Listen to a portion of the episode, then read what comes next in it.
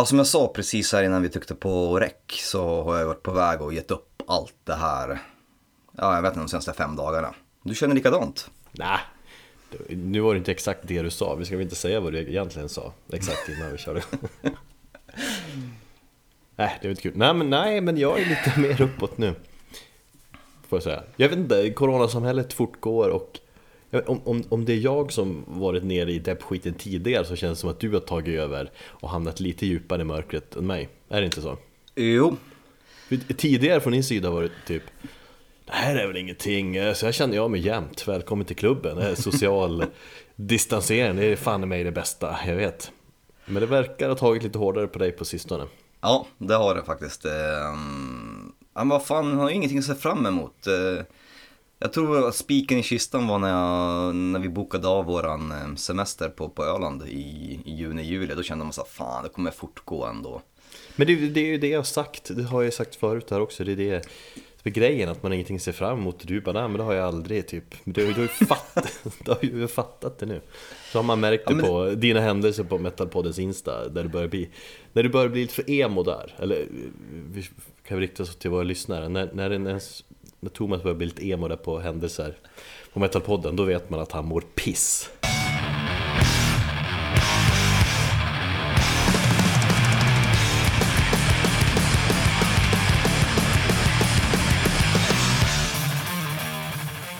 Hej, du lyssnar på Metalpodden avsnitt 115 Välkommen! Mitt namn är Erik och när du hör den andra rösten som du kommer få höra alldeles strax så då vet man att då är det Thomas som pratar men fan, jag, är, jag blir ändå glad nu, jag tycker det här är roligt Jag gillar att du är lite misärig och eh, jag, jag gillar bara att prata med dig om jag ska vara ärlig För jag har pratat med så mycket folk längre Nej, jag har inte heller pratat med så jättemånga. Jag typ så här, håller på och räcker ut min hand och, och, och så här, mässar folk som man har hört talas från på länge liksom. Ja, jag snackar, med, jag snackar med gamla klasskompisar ja. och sådär som jag skiter egentligen i, i normalt samhälle. Eller jag vet inte vad det är, man, man söker kontakt med allt och alla på något vis. Jag insåg ju ehm, att har man ett hus som du och ett projekt sådär ehm, som du gjort nu med ditt garage då, då kanske man finner lite mer mening. Vi har inte den möjligheten att sätta igång ett projekt. Ja, minst sagt, mitt projekt idag var att baka en ugnspannkaka. Mm, och du skickade till mig och jag typ sågade det lite grann så blev det lite putt. Den var jävligt god. Den, är faktiskt, den går hem. Det är det enda barnen äter förutom köttbullar och korv. Ja. En liten spik i kistan, eller ännu en jävla spik i kistan, det var ju det här ja, men att det snackas nu om att det är fullt möjligt att det inte kommer att bli några fler konserter alls i år. Det är fan helt vansinnigt om det blir så. För, ja, men allt det verkar så konstigt just nu och så här. Och, och, en stor del av mitt liv går ju ut på att peppa konserter. Eller för att citera min polare Fredde, live is where I live. Mm. Men en stor del av sitt liv och en stor del av sina intressen försvinner. Jag tror det är sjukt viktigt att lägga tiden på någonting annat. Så som nu när påskhelgen och som sagt vi kämpat med garaget där, målat om och strukturerat om och lagt ner en massa timmar där. Men jag tänker att i längden, jag tänker att man kanske ska skaffa sig en ny hobby typ. Oh, jag har en. Eh, jag har faktiskt börjat med eh, pärlplattor igen. det är sjukt eh, avkopplande. Eh, just i den här, jag vet inte, för man är stressad över typ egentligen ingenting. Man har alltid i världen, men, men att samhället står på paus. Ja. Men jag, jag, är mer stressad än tidigare. Så jag sitter nu och höll på med pärlplattor idag. Byggde lego i två timmar igår. Mm. Det är en bra hobby. att bara göra någonting så här fördriva tiden med någonting ganska så... Vissa skulle kunna lägga mer tid på att spela gitarr och, och så här och kanske träna mer och, och, allt det där. Men, men eh, ja, kanske en helt ny hobby. För att ja, liksom nå, nå, någonting man kan hoppa ner och lära sig från scratch. Lära sig med japanska eller så här, lära mig sticka. någonting helt nytt. Lära mig spela saxofon, hur fan låter det vettigt? Ja, absolut. Det är ett sludgeband. Mm. Eh, Ja, men sen vill vi givetvis tacka för att eh, våra lyssnare hänger kvar i dessa tider och fortsätter att lyssna på Metalpodden. Det uppskattas väldigt mycket och det stärker oss lite grann då i det här coronasamhället. Ja, när man har känt att det har varit pissigt och man vill ge upp allt det här så, så får man lite sköna, eh, skön pepp helt mm. enkelt. Mm. Och vi gillar ju när ni skriver med oss på sociala medier också, så kan vi hålla igång lite snack där. Det är, det är härligt. Fan, jag har ju köpt lite plattor eh, så här, suttit hemifrån och bara beställt för att stötta några av de här banden som man missat på Roadburn nu. Mm. Nu när det här avsnittet spelas in, eller när vi, egentligen när ni lyssnar på det, då hade vi i vanliga fall varit halvvägs på väg genom Roadburn. Fulla, glada, mm. kanske höga, vem, vem vet. Um, så att jag har ju beställt en massa plattor, men allting har ju fastnat i posten. Det är ännu värre. Jag väntar på ett paket sedan början av mars. Ja. ja jag ska ut och köpa lite skivor eh, fysiskt ändå. Fast jag, jag har lagt ner allt ekonomiskt, typ försöka chilla som fan. Mm. Uh, men det kanske är vettigare i sådana här tider om man ska få någonting. Sant. En annan grej, eh, för att tala till våra lyssnare. Vi gillar ju som fan att några av er har hoppat på vår Eh, så kallad metalpromenad som vi lägger upp som händelser på sociala medier och hashtaggar det med, med, eh, med metalpromenad. metalpromenad. Eller hur? Även om man mest håller sig hemma och är inne det är ju viktigt att man går ut och rör på sig då ska man givetvis förena det med att lyssna på musik, en så kallad metalpromenad. Eh, så haka gärna på, tagga oss, hashtagga metalpromenad så delar vi gärna era händelser. Varför då då? Tänker man, ja men då, då har man också en indirekt möjlighet att ge lite musiktips till våra följare.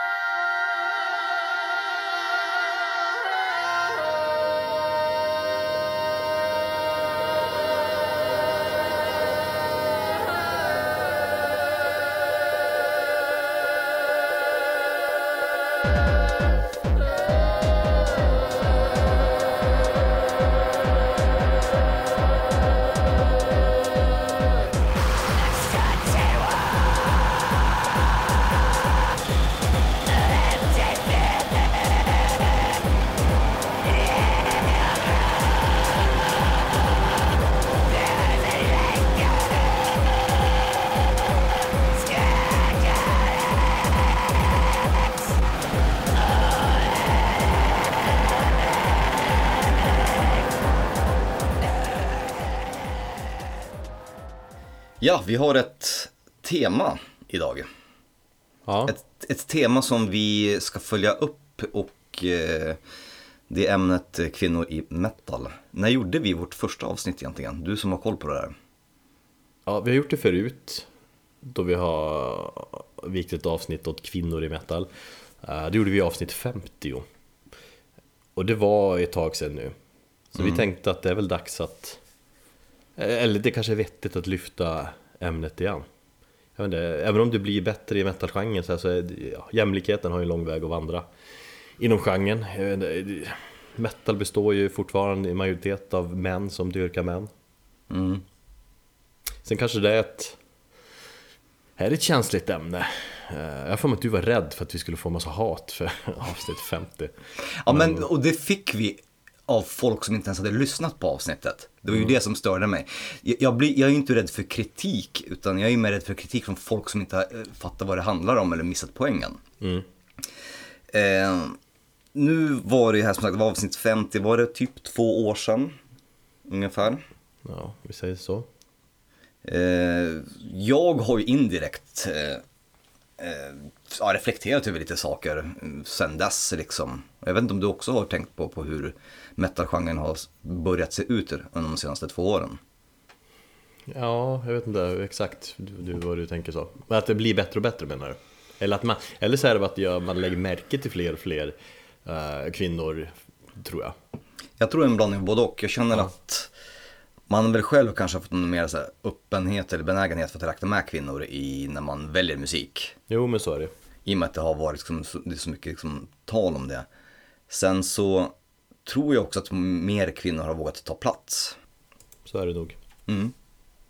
Sen kan man ju, man kan ju tycka att eller jag kan tycka att egentligen ska vi inte hålla på att tydliggöra liksom skillnader sådär mellan könen inom musik eller inom metal överhuvudtaget men eh, jag har ju hört folk säga fortfarande vet, att nej, nej, jag gillar inte kvinnor i metal. Det är, det är inte min grej och så vidare. Mm. Uh, och, då, och då om vi snackar lite vettiga band och så, då kanske man kan få sådana typer att ändra lite åsikt att jaha, ja men coolt. Ju, kvinnor kan också göra hårdrock. Ja, i en perfekt värld så kanske inte ett sånt här avsnitt hade behövts. Men, men, men nu är det ju långt ifrån här jävla eh, coronasamhället. Ja. Och då kanske man måste ja, lyfta eh, uttrycket eller själva begreppet på något sätt ändå. Vi har ju tidigare fått en del ehm, kritik att vi snackar för mycket om snubbar. Ja, absolut. Att vi pratar, ja det är för mycket bandartister som är män och det, det är fullt möjligt, eller så är det ju. Men det är ju som sagt ganska snedfördelat i den här genren så det blir ju lätt att man pratar i majoritet om, om manliga musiker. Det är ju liksom inget konstigt. Nej, men det var där jag, jag märkte att jag har liksom börjat få en helt annat, litet annorlunda tänk för att jag har kommit på mig själv med att hitta massa bra band med mer kvinnor än vad jag gjorde tidigare innan till exempel första avsnittet. För att man börjar tänka på det på ett annorlunda sätt och det jag menar också, det är att kanske det har liksom kommit mer band också så det blir lättare. Ja, sen tänker jag nu att det är lättare för kvinnor, eller vi är ju ofta ute efter någonting som är lite annorlunda. Och som skiljer sig från den, den, den klassiska metan eller vad vet jag. Och att det kanske är lite lättare för kvinnor att komma in och göra någonting som står ut. Med att många män kanske är fast i det här gamla tänket. Det är ju så mycket så inom metal att uh, det är så mycket regler och det finns mycket oskrivna regler och sånt där och det är så mycket genrer, så här ska man låta, så här ska man vara och så vidare. Att det kanske är lättare för kvinnor att komma in och göra sin, sin egna grej. Jag väntar fortfarande på den där själva liksom switchen i, i branschen där pressbrev och, och PR-utskick kommer sluta använda Female Fronted eh, Metal Band. Så är det ju inte, jag har kollat upp lite grann. Det är ju fortfarande jävligt mycket female fronted snack. Mm, att det, det, det begreppet används. Sen så har jag också använt många liksom, kvinnliga band och använt det och anammat det begreppet och tagit sig till det. Och då känner man så att ja, de kanske vill äga det men samtidigt så känner man att behöver man verkligen ha det epitetet? Alltså ur skivbolagsperspektiv är det väl eh, såklart en marknadsföringsgrej. Mm. Om de kan få lite mer uppmärksamhet, för det är kanske många som liksom gillar den grejen ändå. Eh, eller jag vet inte. Mediokra män spekulerar. Ja, Nej men vi har väl eh, tänkt att vi ska prata lite grann om eh, först ett projekt som heter Women of Doom. Eh, och sen så ska vi i, ja, prata lite personligt om några kvinnor som vi har lyft eh, här. Jag vet inte riktigt hur du har tänkt, vi har ju fan snackat så jävla lite. jag har inte sagt någonting, så det blir, vi tar det sen. Eh, Men exakt, det blir väl så klassiskt eh, i meta, sann metalpodden-anda. Så tar vi några exempel var. Mm. Vi kommer dit. Men vi tänkte börja prata lite om samlingsplattan Women of Doom som började som en Kickstarter-kampanj med syftet att släppa en platta bestående av nya låtar med några av de bästa eh, eller intressanta kvinnliga artister inom den här tyngre skolan. Och vikten ligger då på vad kan man säga, Doom, Heavy, Psych eh, hållet. Även fast den skivan är ju ganska så varierande. Ja, det är den verkligen. Jag har kört den ganska mycket nu i, i garaget. Och ja, men slutresultatet är riktigt bra. Nu finns det ju folk som gnäller på Doom-genren. Att, eh, För mycket det- dudes. ja, det är, nej, men allt, att allt låter likadant, allt det där har gjorts en gång. Eh, men här är varje låt och varje, varje projekt är liksom en, sin egen vinkling, sin egen tolkning av genren. Och det tycker jag väldigt tydligt på den här plattan visar hur liksom, flexibel genren är på något sätt. Ja, precis. I och med att den spetar lite olika håll och den är ganska... Den går ju utanför ramarna. Mm. Det Jo, det- spretar på, på, på ett positivt sätt. Precis. Nej men de gick, eh, det här är väl ett eh, projekt då. Jag tror att eh, själva syftet då att det skulle vara kvinnor i hela processen. Eh, från eh, idé fram till typ presserier och sånt där. Det är, det, enligt deras liksom, pre, pre, pressrelease så, så skulle det vara i hela ledet. Men det är ändå två stycken killar som driver skivbolaget. Eh, Det är ju eh, Blues Funeral och eh, Desert Records, ett ganska så nystartat eh, bolag har jag för mig, som gör en, gör liksom en gemensam release av detta. Så jag vet inte riktigt vad tanken var där med, med att de, eller om de fick förfrågan från, från ett gäng kvinnor, eller hur det var, det vet jag inte. Men i, i, i hela steget från liksom där till, till tryckningen att folk som de använder på olika presserier som gör eh, artworker skulle ju vara kvinnor där också. Okej. Så det, det finns en liten tanke och det håller på i, jag tror det pågick i ett år innan de blev färdiga. Det gick jävligt snabbt känns det som. För det är inte så länge sedan man hörde talas om det första gången. Det känns som att det var ett år sedan ungefär. Ja, det kan mycket, mm, mycket väl ha varit så. Och där var det ju också eh, deras liksom, tagline, skivbolaget står inför den här albumreleasen så är det ju, säger de att bra musik är bra musik och det borde inte finnas någon distinktion mellan kvinnligt och manligt. Men idag är det så och det är därför vi vill highlighta några kvinnor som får göra sin egen tolkning. Mm. Men vad, vad tycker du om skivan då? Ehm, den spretar eh, kanske lite för mycket eh, tycker jag på vissa grejer. Det är de här lite mer folkinslagen som jag är lite svårare för. Mm. Jag tänker direkt på eh, besvärjelsen då. Eller jag är ju väldigt svag för besvär- besvärjelsen och sångerskan Lea där. Har du ändrat uppfattning om dem eller tycker du, fort, du fortfarande att de är jag vet inte hur du uttryckte det, men lite så generisk doom-rock. Jag tycker, de, jag tycker de är tråkiga normalt sett. Ehm, jag tycker att, och jag är inget fan av, av bandet, men eh, jag är ett jävligt stort fan av den här låten som Besvärjelsen gör. Jag tycker den var riktigt bra. Jag såg att du hade skrivit upp den på, som förslag att låt, eh, som låt att spela, så det kanske vi kör. Nej men jag tycker att ja, Dels gillar jag låt så fan också, sen gillar jag ju besvärjelsen, det har jag sagt. Men jag tycker att de verkligen har ett eget eh, uttryck och sin egen plats i, inom genren. Mm. Eh, Ett annat kul bidrag det var ju Melanie eh, Parsons från Royal Thunder som är, är med. Hon Hon, är din, hon är ju din personliga favorit. Från förra avsnittet minns jag. Hon nämnde ju förra kvinnor i metal-avsnittet där. Mm. Och jag tycker hon på riktigt är en av världens, har en av världens bästa sång, kvinnliga sångröster. Mm. Så det var kul. Eh, Ett annat bidrag som jag tänker att du är jävligt intresserad av eh, Det är ju eh, resterna från Sub Rosa i sitt nya band The Otolith. Just ja, precis. Det, men det är ju två tredjedelar av Subrose, eller hur? Jag vet inte exakt det är. Det är väl typ majoriteten har gått vidare med det Men att det är någon som har hoppar av. Eller det var väl jävligt ganska infekterat det där när Sub Rosa la ner. Ja, jag, vet, jag har ingen aning vad som hände med bandet. Jag Ja. bara såg att de splittades, var det typ förra året eller någonting. Och jag har inte hunnit eh, lyssna på nya, nya bandet. Nej men det, det här är det första de släpper. Som, om jag har förstått det rätt. Ja, Det, okej. att det här bidraget är det första, sen ska de komma med en, en Alice in Change cover Om jag missminner mig här, eh, tror jag Och så sen kommer väl kanske lite mer, någon, någon full- fullängdare EP eller någonting framöver gissar jag Mm. Ja men det var kul att höra, man kände igen ganska mycket Sabrosa-vibbar Mm, jo, det, det, det vill jag minnas. Det var kanske någon av de låtarna som jag gillade mer. Ja, men det var, jag tycker att den är, den är som sagt, den, den spretar på, på gott och ont. Jag kanske tycker att i vissa låtar så spretar de, men det är väl kanske respektive artists influenser. Det finns ju som sagt, vi pratar lite grann, jag har haft diskussioner här om folkmusik. Och, och jag är kanske inte så jättestort fan när det blir för mycket eh, flöjt och, och harpa liksom. Men, men ibland funkar det. Mm. Men jag tycker vi, vi kör, fan. Jag, som sagt, jag blev glatt överraskad av eh, besvärjelsens bidrag på den här samlingen. Så att eh, jag tyckte det var en riktigt bra låt. Vi lyssnar på den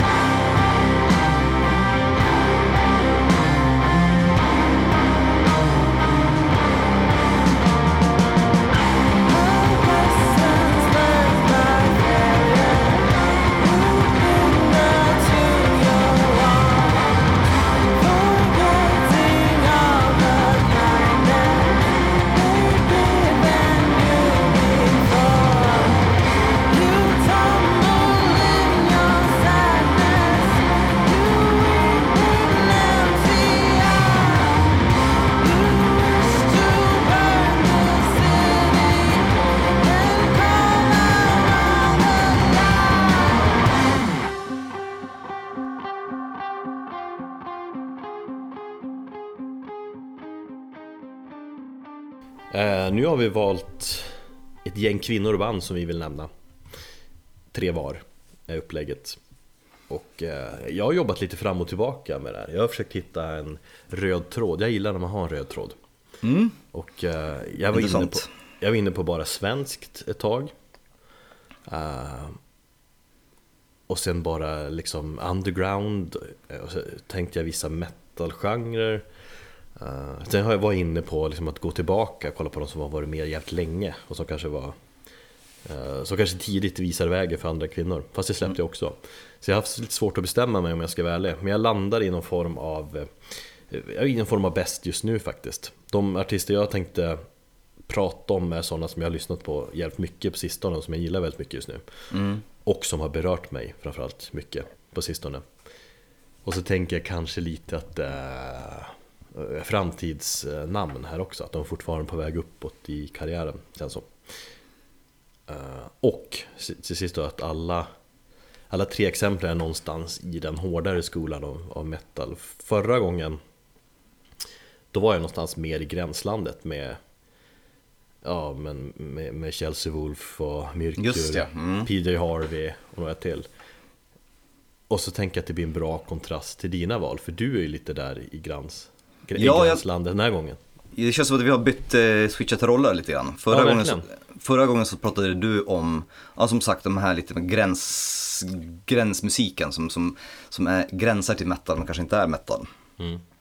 Eh, jag pratade ganska mycket om kvinnor som hade rätt vägen. Jag minns inte riktigt jag minns faktiskt inte heller. Men jag tror det var, jag pratade om Doro och jag pratade om Angela Gossow bland annat. Ja, just det. Så var det. Ehm, Nej men jag måste säga att jag gillar dina val, två av dem hade jag ju lätt kunnat prata om Så att, eh, bra där Mm. Nej men jag, jag har ju försökt att ha någon form av röd tråd också och jag har väl kanske också försökt att men, eller jag har hittat en röd tråd och det är faktiskt eh, färgstarka eh, musiker. Mm.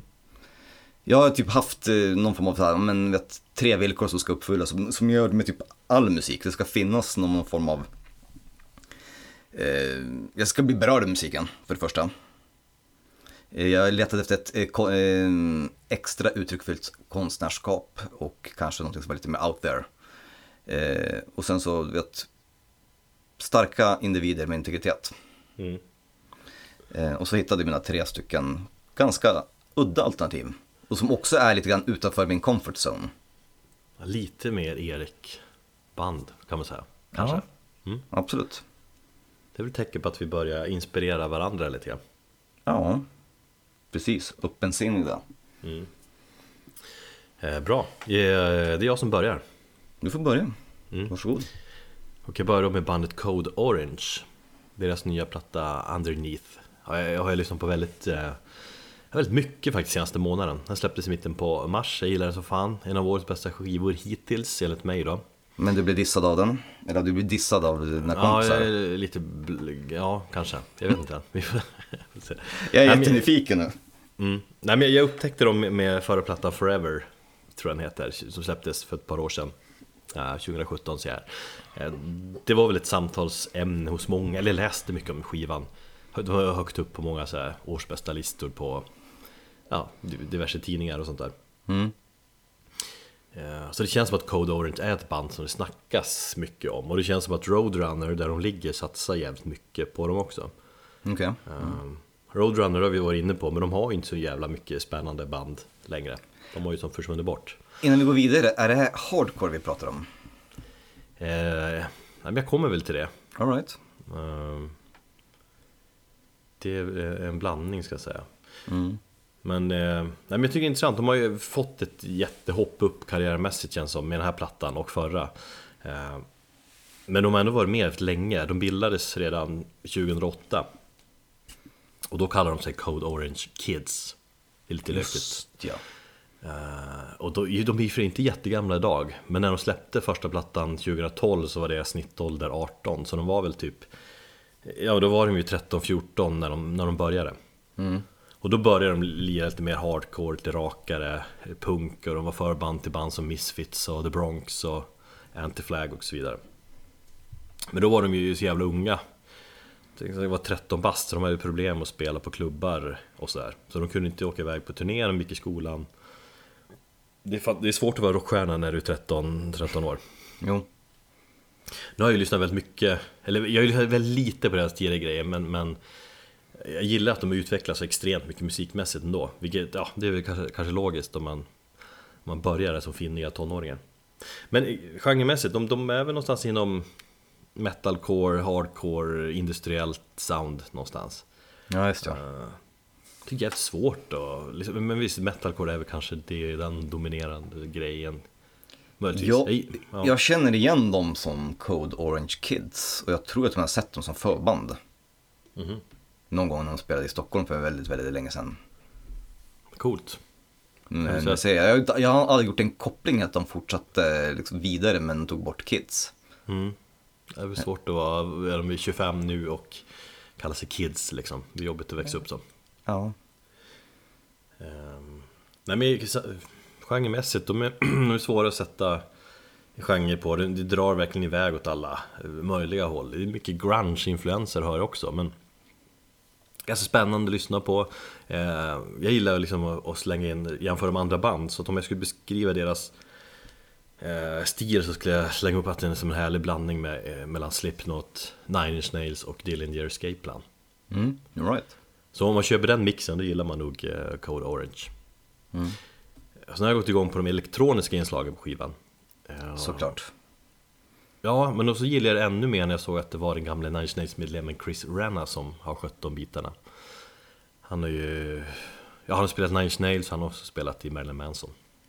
Nu gör han väl mest producentjobb och massa tv-spelsmusik och till Doom och annat så här. Men man, det känns som att man hör det här 90-tals Nine Nails industriella i, i vissa delar.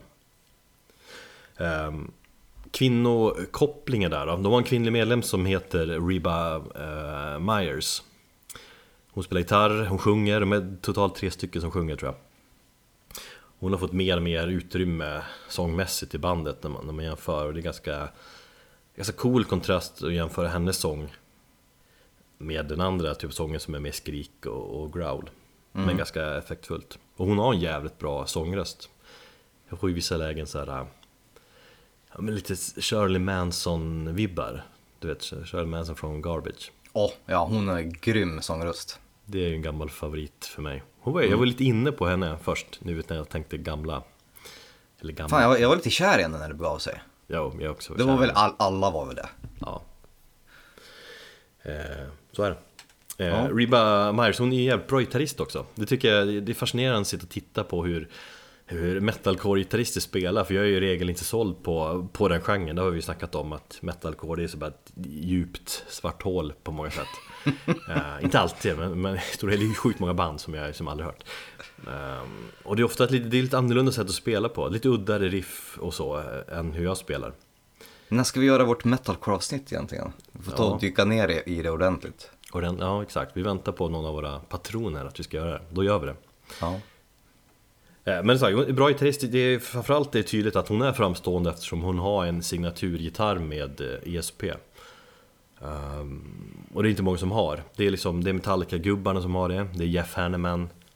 Det är Alex Skolnick från Testament och vad heter Deftones-gitarristen där? Steven Carpenter heter han va? Eh, Nergal och en massa andra gubbjävlar liksom. Mm. Och så då Reba som enda tjej. Så lite coolt. Mm. Jag gillar att hon har Viper-form också, ESPs form av E- eh, SG. Ah, jag var nyfiken på så länge, man kanske ska köpa sig en Reba signaturgura. Hade varit eh,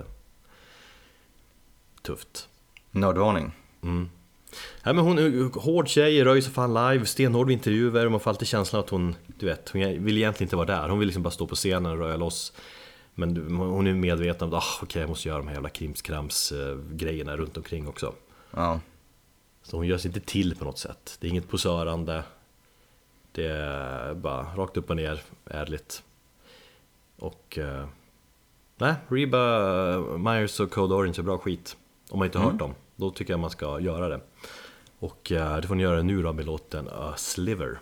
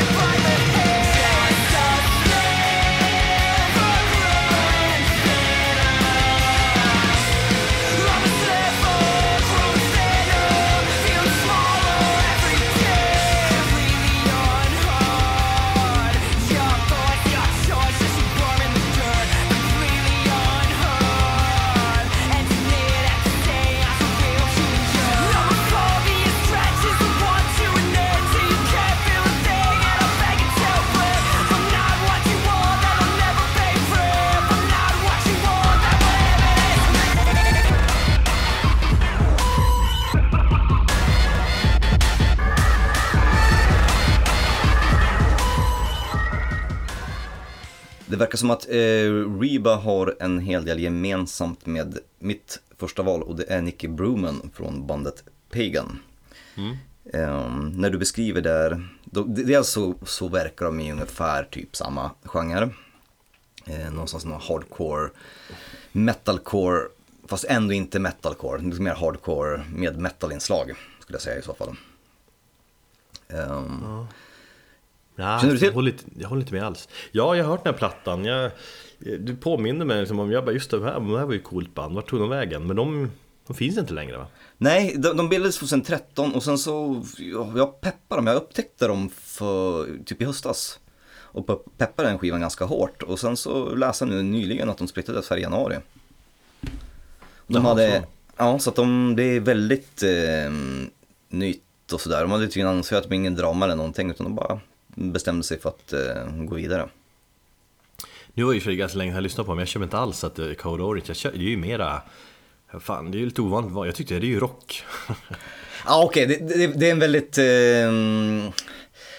det är en väldigt eh, spretig skiva, en spretig eh, genre eller, eller style som de försöker att liksom få med här. Det är, hon själv då, Nicky Brumen, säger att det här är någon form av kärleksbarn mellan, mellan eh, fransk pop, italiensk disco, eh, norsk black metal och eh, allmänt de, hennes egna demoner. Ja, men typ där black and rock. Och disco jag. Minns att jag tyckte att de, eh, jag menar att de på, påminner lite grann om Kiss i dem. På något vis. Ja okej, ja, det håller jag inte med om. Death Disco tror jag att många kallar dem för, eller HC-punk. Skitsamma, det kan man argumentera för i, i, i, eh, i heter det, evighet. Det finns en, otroligt många olika stilar på, på, på skivan. Enligt Wicken så är det black and rock and roll som de beskriver sig själv om. Ja, det funkar väl.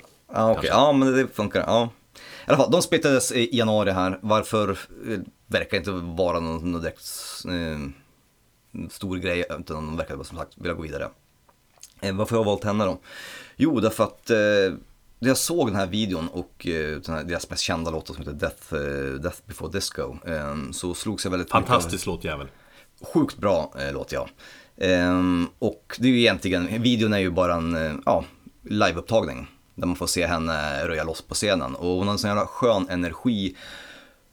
Och dansade och röjde loss som typ jag vill säga inte gulligt för att hon hade liksom- kanske inte så jättemycket koll på kroppen eller så här koordinerat som det att vissa inom den här genren kan vara ibland tycker jag. Att man försöker koordinera sina rörelser. Men hon bara, ja, bara hoppar omkring på scenen, tjoar och, och har sig. Och jag tyckte det verkade så, så här, don't give a fuck om någonting. Och det var det som grep mig tyckte jag. Och sen så har hon en jävligt schysst, eh, schysst röst hon går från, ja ganska mycket så här poppig stämma till re, rena black metal-vrål. Ja, fan det var länge sedan jag lyssnade på men jag minns att jag, den låter framförallt och att det var en jävligt bra skiva. Glömt bort det, ja, du påminner mig. Bra. Ja, nej men eh, lyssna på den absolut. Eh, ja, som sagt, hon startade det här bandet för att hon ville bryta den australiensiska, de är från Australien de. Eh, de vill bryta den australiensiska metalcore-stereotypen. Och jag som bodde i Australien 2007-2008, där var ju metalcore ganska populärt då. Det hade precis liksom kommit, Australien hade lite länge eh, efter USA. Som jag sen höll på att dö ut i, väst, i, i, i, eh, i USA, så, så några år senare så kommer allting av det amerikanska modet till Australien. Så det var ju ganska populärt där med, med band som typ Parkway Drive. Ehm, nej men sagt, hon, hon ville bryta det här, hon ville vara lite mer genreförskridande och, och vara en, en motpol till alla dudes med eh, V-necks och eh, öronpiercingar. Kan man, kan man köpa, kan man förstå. Ja. Så det var därför hon startade Pagan. Vi lyssnar på låten Death before Disco.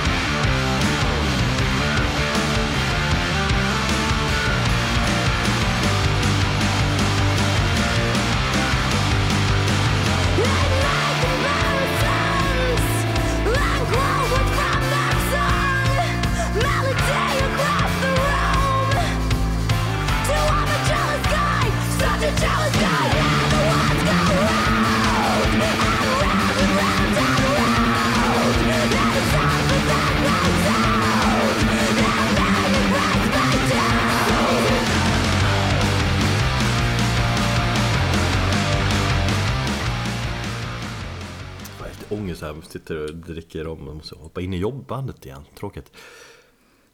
uh, ja. nu blir det grindcore i form av SQLa grind. Det är ju fantastiskt att ha med eh, genren man spelar i bandnamnet. Ja, jo faktiskt. Hej, vi är SQLa grind och vi lirar grind. Ja. Alltså, grindcore kan ju vara så jävla förlösande att lyssna på. Riktigt bra grindcore kör ju över allt annat i princip.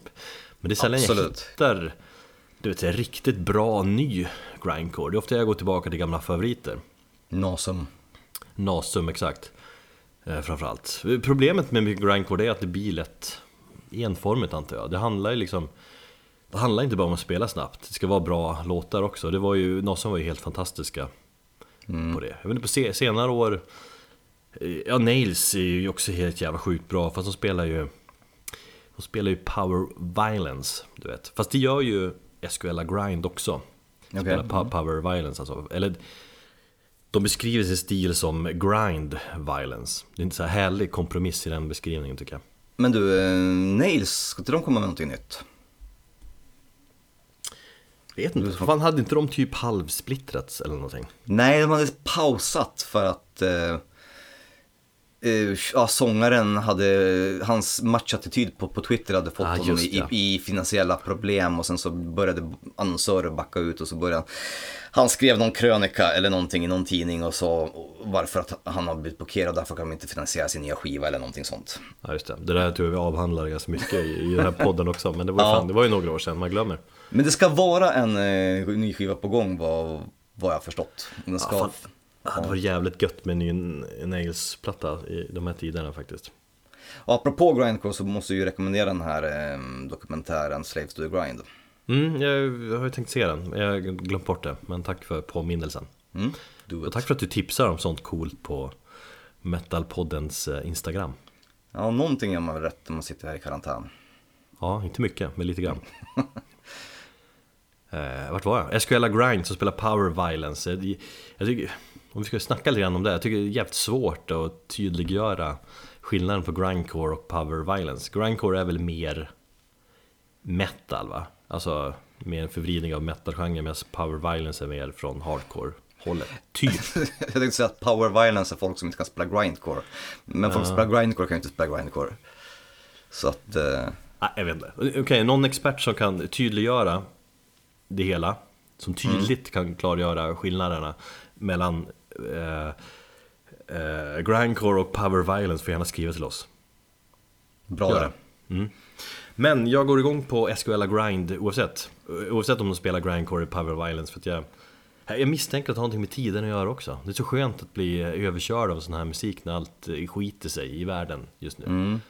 Det känns som att grindcore har det uppdraget på något vis Att vara arg, vara ursinnig och bara jävligt snabb Vara politisk Rensa. Och bara rensa hjärnan från allt skit. Eh, de, Det är en kvartett, de bildades i, i en mindre stad eh, 30 mil nordväst om New York 2016 Och eh, har då nyligen släppt sin debutplatta Indoctrination Eh, 50% könsfördelning i, i bandet. Och det är Alright. sångerskan Katrina Konomu som står för eh, huvudtemat på plattan. Det handlar om indoktrinering och eh, hjärntvätt typ. Eh, hon har studerat många så här läror senaste halvåret och kommit fram till att hon själv har påverkats mycket av hjärntvättning och sådär. Det lät jävligt spännande när jag läste om det i alla fall, men jag kan inte återge det på ett vettigt sätt. Skicka länken sen. Ja, jag får göra det. Eh, musiken är okej, den är inte supervänlig. Det är ju grindcore, den är ju sällan det. Men jag tycker att... När jag läser om bandets inställning till allt så är det verkligen eh, det. Alltså de förespråkar öppenhet och acceptans och du vet, inkludering. Och de har spelat på olika typer av gig tillsammans med he- helt andra typer av genrer som hiphop och elektronisk musik och popmusik och så vidare.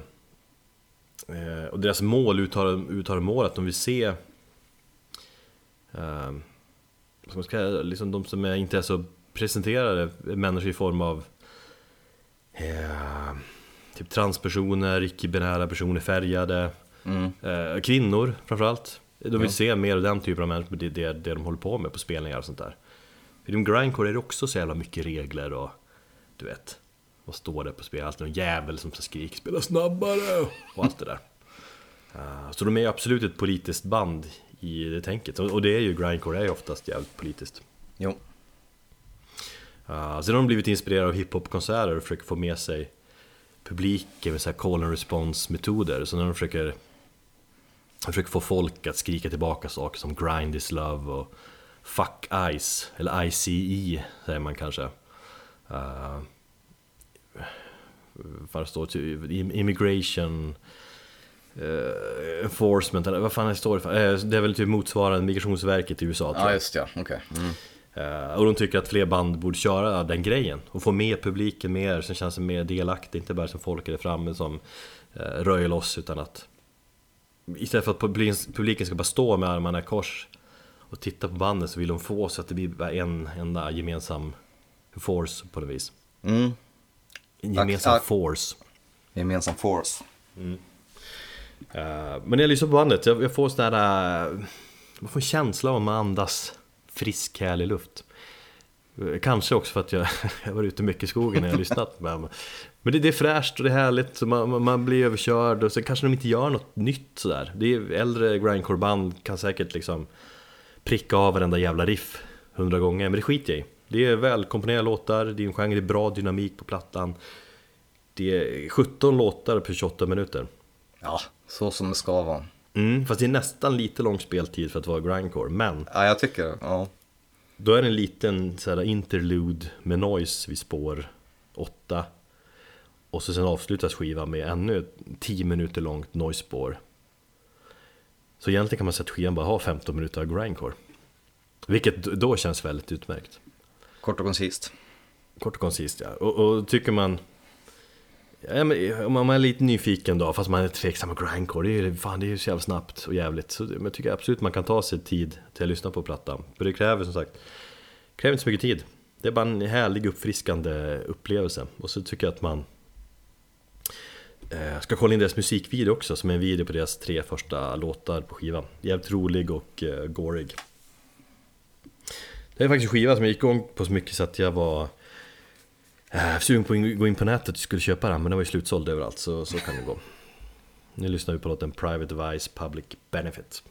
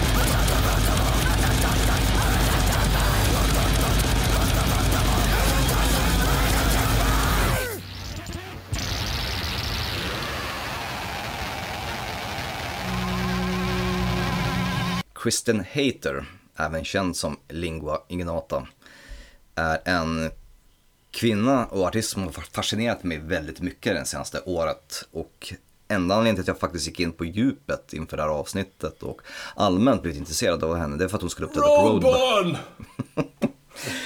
ja, för allting. Jag skulle upptäcka så mycket ny musik och, och ja, fan. Det kommer, det kommer göra ont på onsdag när man vaknar och inser att man är så här fast i sin lägenhet. Ja, lämnar barnen på förskolan men egentligen kunde varit på ett flygplan på väg ner. Ja, nej men jag känner samma sak och jag känner eh, samma sak kring henne också. Jag har också upptäckt henne på grund av Roadburn och mm. jag, ja, nej, det, hon, eh, jag hade ju tänkt att välja henne, du vet. Han väljer, jag tänkte Thomas väljer säkert något, någonting men jag ska snacka henne. Och så att du hade redan skrivit upp det, jag tänkte jag, fuck my life. Mm, ser. Nej men alltså hon har ju fascinerat mig länge, eller i alla fall sen jag upptäckte henne tidigt förra året. Hon är ganska ny stjärna, eller kanske, ja, hon har ju 2015 tror jag hon höll på. Släppte någon kassett eller någon demo där. Hon skulle ha gjort en jävligt speciell spelning, eller gjorde en speciell spelning på Roadburn förra året Som jag eh, vaskade, eller som jag bara missade um, Men det snackades så mycket om den, så att jag hade ju tänkt att se henne i år då. Kim och jag diskuterade om, om att hon kanske, i och med att eh, Full of Hell också skulle vara där, så kanske och The Body inte var ute på turné så kanske de skulle göra ett hemligt gig där som i deras nya projekt, eh, vad heter Sightless Pit. Ja, det kan ni ju hålla på att diskutera. vi gjorde det, men nu är det bara skiten igen. Nu får man vänta till nästa år. Mm. Så är det. Eh, nej, men hon är ju väldigt eh, uttrycksfull eh, kvinna och eh, musiker med ett väldigt säreget sound och en säregen stil. Det är kanske mm. därför också som, som hon lockar väldigt mycket. Eh, Lingua ignota, latin för okänt språk. Eh, hon är född som Kristen Heiter 1986 och är en multiinstrumentalist multiinstrumentalist från Kalifornien. Eh, hon har en katolsk uppväxt vilket inte förvånade mig faktiskt när man liksom lyssnar på texterna till senaste skivan då, Caligula. Då bondar du lite, lite extra med henne. Ja, precis. För hon, eh, ja, hon gick in till, till och med i en skola med religiös inriktning under barndomen. Eh, sen blev hon ateist eh, och sen så har hon tydligen börjat studera eh, katolicismen på nytt, vad jag har förstått. Mm. Vet jag inte varför, men, men hon kanske har sina skäl till det. Kanske mest av filosofiskt eh, perspektiv också. Eh, hon mobbades ofta och hon har eh, lidit länge av anorexia och, det här är sådana saker som har färgat henne och hennes konstnärskap väldigt mycket. Hon upptäckte eh, musiken och rocken då med, eh, när hon hittade en kassett av eh, Nevermind som femåring. Mm, Nirvana alltså? Yes, precis. Mm. Och det fick henne på den vägen att vandra. Eh, hon kallar ju inte sig själv för eh, feminist i den bemärkelsen. För hon tycker till exempel att hon gillar inte de här konventionella metoderna som man lär ut till, till, till kvinnliga eh, offer då. Att man ska liksom försöka med egen kärlek och vänlighet eh, och försöka till något som vet self-love och, och, förståelse och tolerans och, och, och, och, acceptans. Utan hon vill använda våldet som hon känner till att eh, skapa musik och en ideologi att driva sin musik på. Jag tror att det, feminismen är som en röd tråd genom de här, många av de här banden och artisterna också. Olika Ja. Absolut, det tror jag. Skolor, skolor av den. Hon kallar sin musik mer för fallocentrisk än, än eh, feministisk. Eh, och sen med själva eh, musikstilen då eh, kallar hon för survival anthems. För hon har väldigt svårt att själv kunna definiera sitt, eh, alla sina influenser och sin musikstil. Mm. Men jag tycker att hon är, hon är som sagt speciell för att hon har ju hon bygger ju väldigt mycket mm, av sin musik och det är ju industri industriell musik, väldigt mycket noise, rock blandat med ja, körer och, och orglar och gamla traditionella religiösa instrument nästan. Det är väldigt mycket religiöst inspirerad musik också. Mm. Jag tänker att det är det du går igång på mycket. Det är ganska påfrestande musik också. Uh, för hon verkligen spyr ut sin själ på något vis i hennes låtar. Känns det som i alla fall. Ja, men kanske någon själsfrände i, i eh, hatet gentemot eh, katolicismen. Mm. Det kan jag absolut hålla med om. På många sätt är det här också en typisk roadburn-artist. Uh, man skulle kunna säga, det här är ju normalt kanske ingenting, du, kanske, du skulle nog inte ha upptäckt henne om det varit för roadburn eller den mentaliteten man får när man är på roadburn. Det här är typ ett band som, det är inte i regel liksom ett eller band med artist som är, som är tung i klassisk bemärkelse. Liksom. Nej, nej. Nej men alltså jag känner också att en annan röd tråd i, i, min, i mina val här, det är också att det här är ju inte kanske metal i den bemärkelsen, utan det är metal som är, eller det är musik som är väldigt närbesläktad med metal och dess natur. Ja, det är väl heavy music, det ja. som Roadburn står för att de, de eh, har. Precis, och där de även kan erkänna att en eh, akustisk gitarr kan vara nog så hård. Mm. Ja men just det industriella går jag igång på som fan eh, med henne och jag går igång på också att du går igång på det. Ja, men jag kan, jag kan faktiskt erkänna att jag har haft svårt. Det har inte varit lätt att, att lyssna på hennes musik för den är jävligt påfrestande. Mm. Och jag ska säga att jag, jag föredrar faktiskt de kanske lite, fortfarande de lite mer lugnare styckena än, än de här riktigt hårt industriella eller noisiga partierna.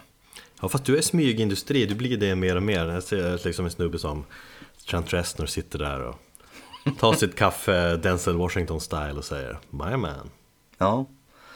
Nej men som sagt hon är väldigt intressant eh, och gör något väldigt eh, unikt. Så jag tycker att vi lyssnar på, på en låt som är ganska talande i sitt, sitt språk. Jag tycker att varenda jävla textrad som hon, hon säger har ju man önskar så här, vad fan det hade jag själv velat kommit på. Men det kanske bara en kvinna som har varit eh, ute och utsatt för våld kan skriva. En liten eh, fråga där. Mm. Det finns en detalj i hennes eh, senaste platta där med, med, att alla låtar står i versaler. Jag kan inte bestämma för om jag gillar det eller om jag blir irriterad på det. Jag vet inte om du har tänkt på det? Mm, nej, det har jag inte gjort. Nej. ja, jag hade, för sig, det man ju också störa på. Mm. är det okej okay, du tänkt på det? Ja, okej. Okay. Nej, det har jag inte. Eh, ja, vi lyssnar på den väldigt talande låten May Failure Be Your News från förra årets va? Eh, platta Caligula.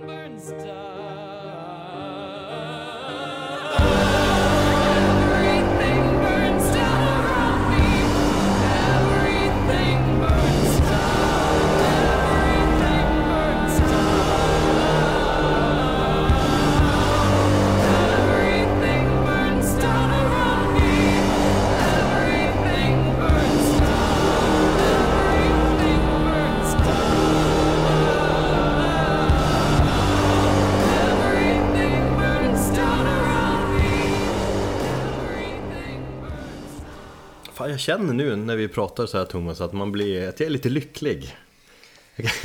Mamma sa ju till mig så att det, det, är bra att du har den här podden och att du gör någonting för andra människor i dessa tider. Mm. Och just då kände jag bara så här, jag var precis på väg att ta upp telefonen och, och ringa till dig och bara, fan jag orkar inte med det här längre. Nu skiter vi i det här, jag är så jävla trött, jag orkar inte. Det var jävligt fint då, din, din mamma ju. Ja, jag vet, men det är ju som sagt, man, när man har sitt huvud kört så långt upp i röven att man inte ser någonting annat så kan det vara svårt att och det är bra att få höra det utifrån. Det är därför jag blivit lite glad när man säger peppande. Fan, vad, när kommer era listor? När kommer nästa avsnitt? Och folk hör Ja. av sig. Då känner man så okej, okay, men vad fan. Jag vet att vi gnäller ganska mycket om att vara opepp i, i våra avsnitt på här på sistone. Men nu är det fan, det är tufft alltså. Ja. Nej men din mor vet ju också att du, hon känner ju dig kanske bäst. Ja, därför gör det ja. Och hon vet ju att du mår piss ibland. Så att hon säger sådär för att liksom stärka dig. Fan, här har jag önskat att min morsa också hade sagt så, att det är bra. för oftast är det så här, ja men ni behöver väl inte spela in det här om det är jämnt. Det är bara liksom, hur har du tid? Och du måste ta hand om barnen också. Bara, ja, men vad fan, jag gör det på nätterna. Liksom. Ehm, I och för sig, hon lyssnar ju ibland, och, och, men hon är kanske inte använder, använder sig av de här stora orden som din mor gör. Men det var Nej. fint. ja. Tack mamma. Mm. Brukar hon lyssna? Ja, jag tror det. Några avsnitt, kanske inte alla direkt eh, våra, våra mm, bäst just nu-tips kanske. Men om det är något säkert ämne som, som är lite mer allmängiltigt. Ja, men hon zonar, har ju zonat ut nu så här långt in i avsnittet. Ja, det tror jag säkert. Nej men tack, jag känner bara att är, man är lycklig. Kanske är det rommen, den här Diplomatico som jag smuttar på. Eh, Att det är därför jag är pratglad. Men det- jag skulle inte säga att jag haft en liksom, tråkig helg heller. Jag har haft trevligt, grillat massa och hängt med grannen och sånt där. Men eh, men just det här, det här gör ju mig lycklig. Glad att höra det. Eh, avslutningsvis för mig tänkte jag prata om brittiska bandet Venom Prison. Ja, Ja, som du det. hade skrivit upp syp som förslag först kanske. Eller jag vet inte. ja om jag hade nog kanske det. Eller jag hade nog bara listat dem som ett band som vi kanske borde ta upp. Mm. Sen så insåg jag att jag inte gillar dem. Så att, eh, Ja, ja. då blir det svårt för mig om jag, inte, om jag inte har någon form av hjärta i det. ja, jag har också varit där. Men vi kommer väl till det. Okej. Ehm, lite bakgrund då. De slog igenom dagen med, med buller och brak. Säger man så? Buller och brak. Buller och bång. Buller och bång säger man kanske. Brak. De slog igenom med buller och Fan brak. kan du dina sve- svenska uttryck va? Nej, jag är sjukt dålig på sånt där. Eh, känns alltid så konstigt. Eh, nej men eh, debutplattan Animus kom ju, mm, vi säger att det var 2016. Och eh, de blev ju liksom så här, favoritbandet i engelsk press. Kerrang som jag alltid läste på 90-talet till exempel, de har ju utnämnt bandet. Eller de har ju framförallt utnämnt Larissa, sångerskan, Larissa Stupar. Stupar. Fan, help me out. Stu- stupar, ja. Hon är ju ryss i grunden, så Stupar säger vi. Larissa Stupar. Stupar. Stu, Larissa St- va? Stupar. Stupar. Ja. Och jag ska göra lite halvdålig ryska där. Mm. Larissa Stupar. Ja. Nej men och Kerrang har väl utnämnt henne som metalvärldens viktigaste röst. Eh, bland annat. Och så har de ju turnerat sönder sig två år innan hon gick in i, i väggen totalt och djupt ner i en depression. ah, som hon har haft sen hon egentligen var, var tonåring. Eh, och jag tänkte vi kan väl börja liksom med att koncentrera oss på Larissa som Ja, i och med att det är kvinnor vi pratar om. Hon är 30 bast, född och uppvuxen i Ryssland. Migrerar till Tyskland som 10-åring. Okej. Uh, där hon kände sig utanför för att hon inte kunde språket riktigt. Hittade liksom musiken, klassiskt. Eh, först och främst genom Linkin Park. Där hon fann en tröst i Chester Benningtons texter, tror det eller ej. Okej. Mm. Eh, Men visst, som ung 13-åring, 13 bast, så blev hon eh, alkoholist. Eh, Ganska, ja men typ söp bort hela helger, minns inte helger överhuvudtaget. Eh, Hon var ute och festade. Och så hittar hon hardcore-scenen och fascineras då över att den här straight edge-grejen, eh, en stor grej som räddade henne.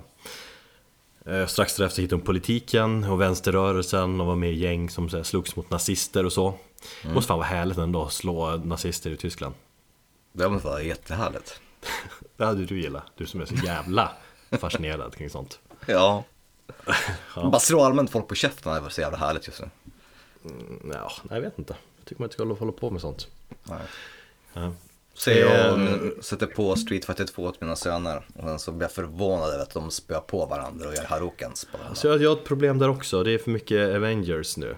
Ja, Och eh, ja. de, alltså fan, Elliot skallade Vincent idag. Och så, alltså, Och de leker konstant. Vincent är ju Hulken, så när han skriker är Hulken och bara hoppar på och är galen och eh, hoppar på min eh, snopp och hit och dit. Eh, ja, det är, det är inte lätt.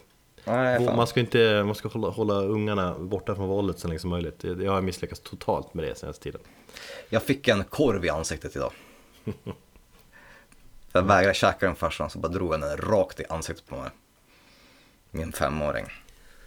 Skaffa aldrig barn. Nej, precis. Vart var vi någonstans? Vi pratade om Venom Prison och Larissa och i Tyskland där hon har hittat eh, politiken. Mm.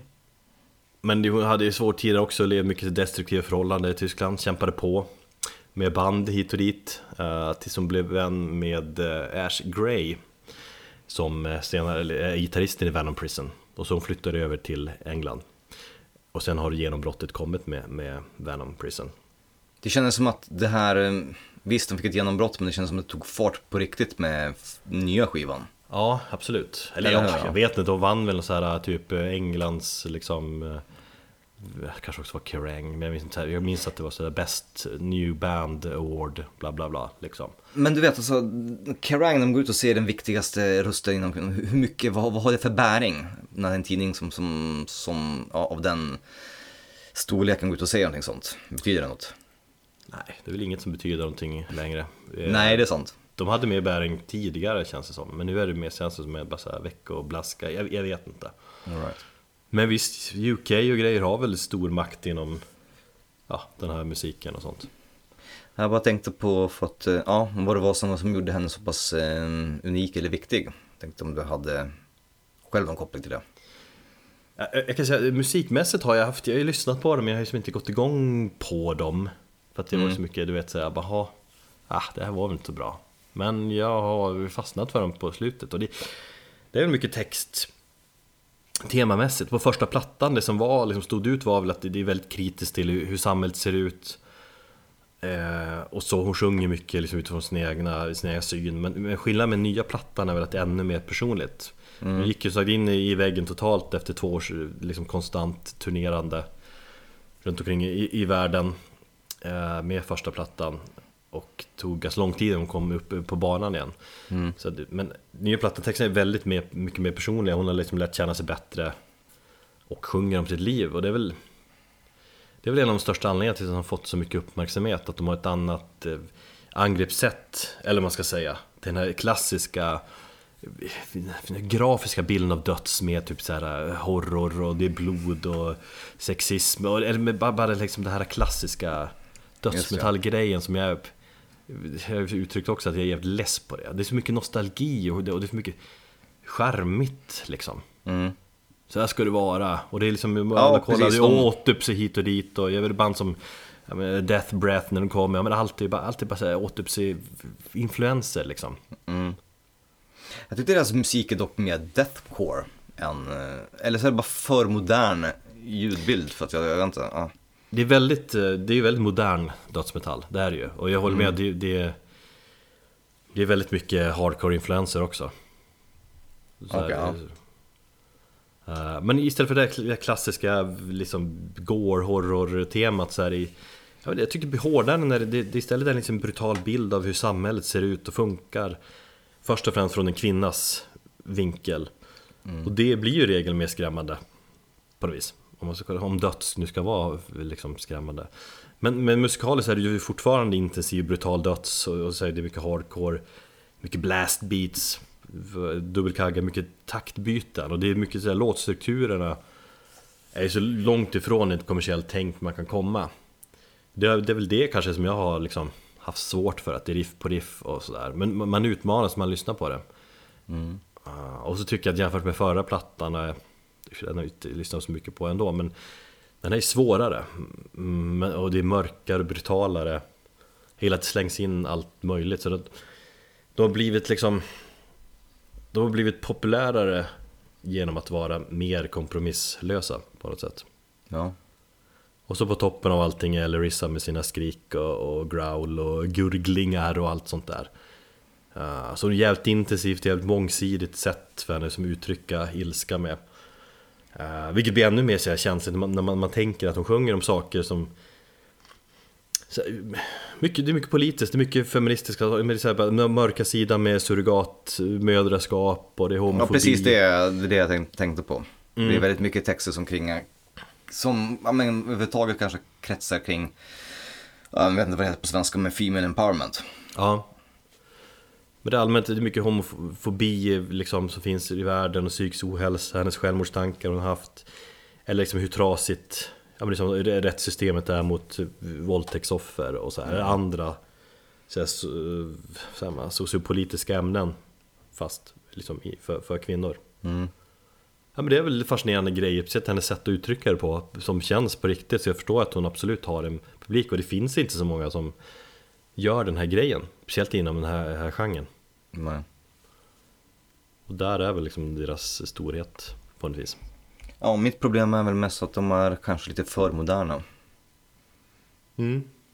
Så där är det väl kanske lite någon form av, ja inte fördomar men inskränkthet som, som sätter käppar i hjulet. För alltså, ja. textmässigt och sådär tycker jag också ganska ballt. Och jag vill minnas att det var någon låt som hade lite mer black metal inslag som jag diggade. Men överhuvudtaget är det för förpolerat, det låter för triggat.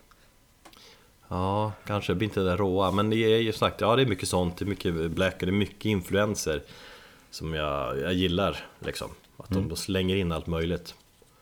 Um, och jag har ju tänkt på det också, jag jag ska säga att jag är supersåld så här, men jag har gått igång på den här plattan mycket mer. Och jag, första, det var väl typ ett år sedan den släpptes tror jag.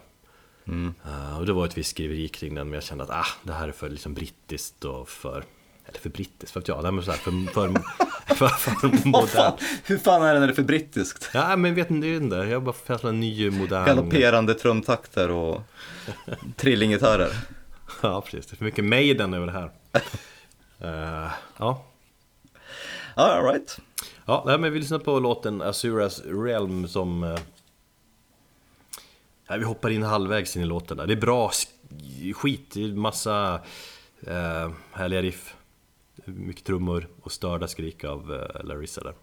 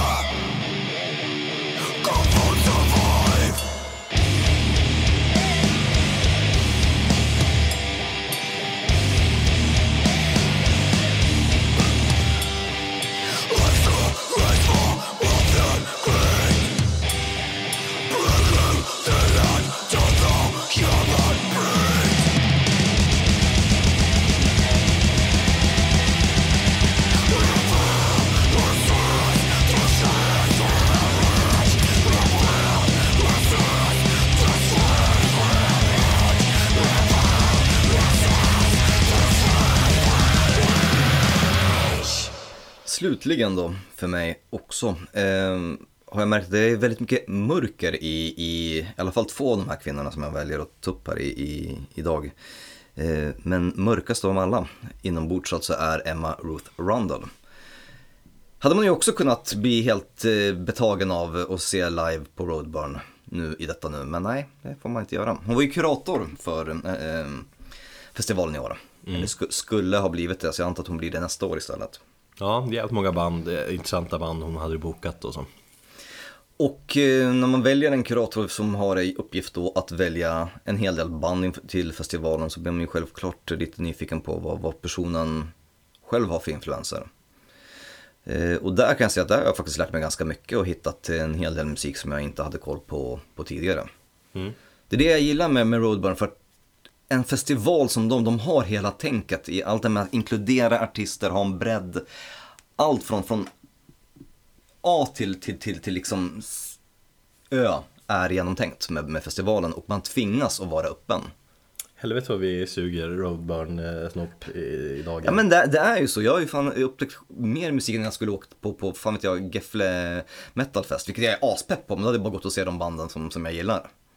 En detalj där, Gefle säger man inte, vad säger fortfarande Gävle? Det är bara att G-I-F-L-E är en gammal eh, stavning på Gävle. Jag har reagerat på det här, som säger så. Fan, ska du på Gefle i, i år eller? Nej. Det heter Getaway heter det förut. Okay, ja, men den, den, grej, den grejen också, folk säger Getaway. Säger du så på engelska, det ordet? I have get to away. get away. get away, ja. ja men det blir någon försvenskning. Ja, men min granne vi snackade där på festival, han var sugen och han sa också bara Ja men jag var ju på det här get, eller getaway Jag bara, ja, eller getaway kanske Ja men jävla metalfest då Tråkigt ja. men betydligt enklare det hade ju bara, ja, sett de mannen Gefle. som man är. Alltså. Ja. Roburn tvingas man vara, och speciellt i år där de var otroligt eh, annorlunda line-up så hade man ju varit tvungen att vara öppensinnig om man skulle kunna njuta och ha kul på festivalen överhuvudtaget.